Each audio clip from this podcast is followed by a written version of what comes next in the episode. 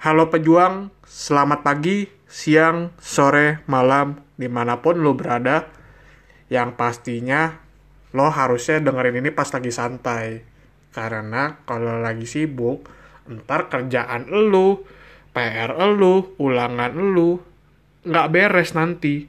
Jadi make sure lu dengerin ini pas lu lagi bener-bener santai, bener-bener chill, dan nggak lagi ngerjain kerjaan yang disuruh orang tua lu. ya, gue di sini pengen lu jadi anak yang berbakti lah. Masa iya lu nggak ngelarin tanggung jawab, abis itu lu nggak dengerin podcast ini gitu. Kecuali lu lagi kerjain kerjaan yang bisa multitasking sambil dengerin podcast.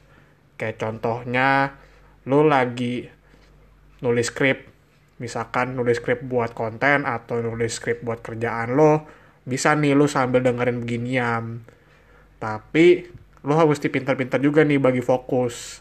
Kalau emang lo bukan tipikal yang bisa sambil denger podcast ya jangan dengerin gitu. Oke sekian basa-basinya.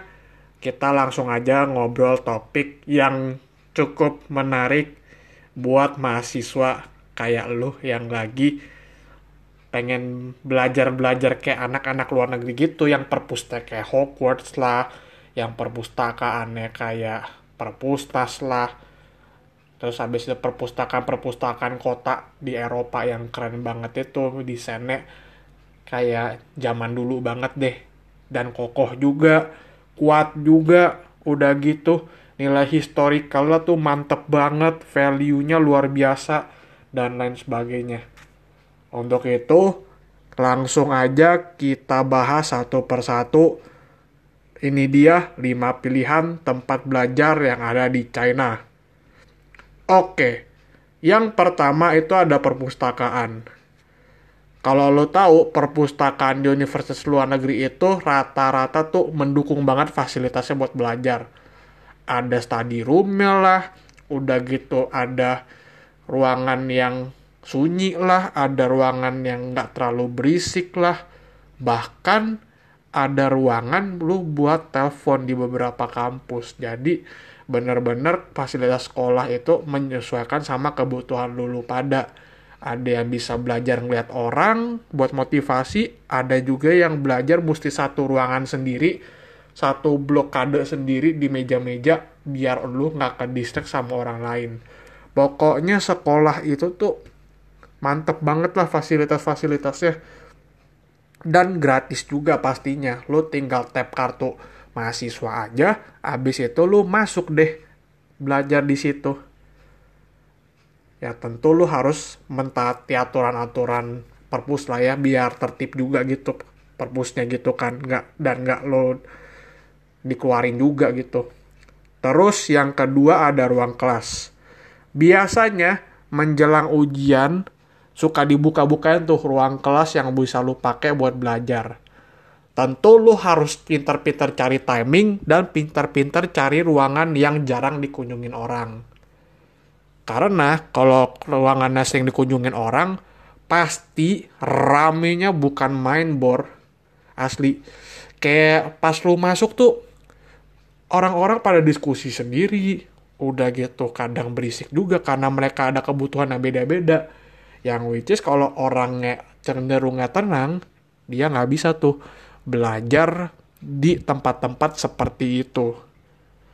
Makanya ruang kelas harus lu pintar-pintar cari timing dan pintar-pintar cari suasana. Tapi kalau lu demen rame lu demen uh, presentasi gitu terus lu bisa ajang pencarian bakat gitu dan tanda kutip buat public speaking lu lu bisa juga pakai ruang kelas yang rada ramean. Oke, kita move on ke tempat berikutnya. Yang ketiga itu ada cafe. Oke, cafe di sini tuh kadang-kadang rada tricky juga ya. Karena cafe-cafe di luar negeri itu lumayan mahal bos. Dari 60 ribu sampai 150 ribu kalau di Cina. Jadi, make sure lu punya keuangan yang oke, okay, lu punya jumlah uang yang oke okay buat sebulan untuk lu nongkrong di kafe terus-terusan nih. kalau bisa sih lu bisa punya penghasilan juga supaya lu nggak kepake tuh uang beasiswa lu, uang bulanan lu tuh nggak kepake semua gitu. Jadi, maksudnya kalau di cafe itu money management lu diatur yang benar-benar baik gitu. Dan tentunya lu cari momen-momen yang enak buat lu kayak momen-momen ujian, momen-momen lagi lu main sepi, dan juga momen-momen orang nggak lagi hahaha karena kadang-kadang kafe itu kan orang ngumpul kan ketawa-ketawa. Terus habis itu ya namanya anak tongkrongan bercanda gimana sih? Mau di mana aja kalau mereka lagi have fun pasti mereka bakal ketawa keras banget. Bahkan sampai bisa mengganggu konsentrasi belajar juga. Nah udahan kafe lu pindah nih ke lobby dorm. Kalau lu ngerasa lobby dormnya itu tuh kayak mendukung aja gitu suasana buat belajar. Entah lampu remang-remangnya entah lampu yang rada terangnya. Pokoknya tuh macam-macam deh. Um, suasana-suasananya gitu yang menyesuaikan dengan suasana hati lu. Karena lobby dorm ini konon kabarnya tuh suasananya agak-agak ada momen tersendiri gitu kayak spesial gitu. Apalagi lobby dorm yang ada sofanya lu kalau misalkan belajar sambil rame-ramean asal nggak mengganggu ketertiban itu bakal enak banget. Dan bakal memorable banget dah pokoknya. Dan yang di mana di negara-negara lain nggak terlalu ngandelin Robidom sih seharusnya sih. Mereka lebih ke perpus sama tempat belajar khusus gitu study rooms. Dan di Cina lo bisa belajar di lobby dorm yang lumayan cozy dan lu pakai headset di sana juga enak banget. Kalau lu lagi mood banget kalau kata orang-orang pokoknya bisalah dipakai lobby dorm itu. Kalau lu mau cari suasana baru gitu kan. Terus yang kelima dan yang terakhir itu apartemen temen. Kalau lu suka yang agak-agak private nggak gabung sama orang-orang lain apartemen itu temen itu cocok buat lu kalau lo lagi bosan belajar nih, lo bisa banget nih deep talk sama teman-teman lo di sana. Dan ngobrolin soal kehidupan yang keras dan segala rahasia-rahasia kebongkar di situ. Sehingga setelah lo lega, lo belajarnya juga lagi jadi lebih enak coy. Asli.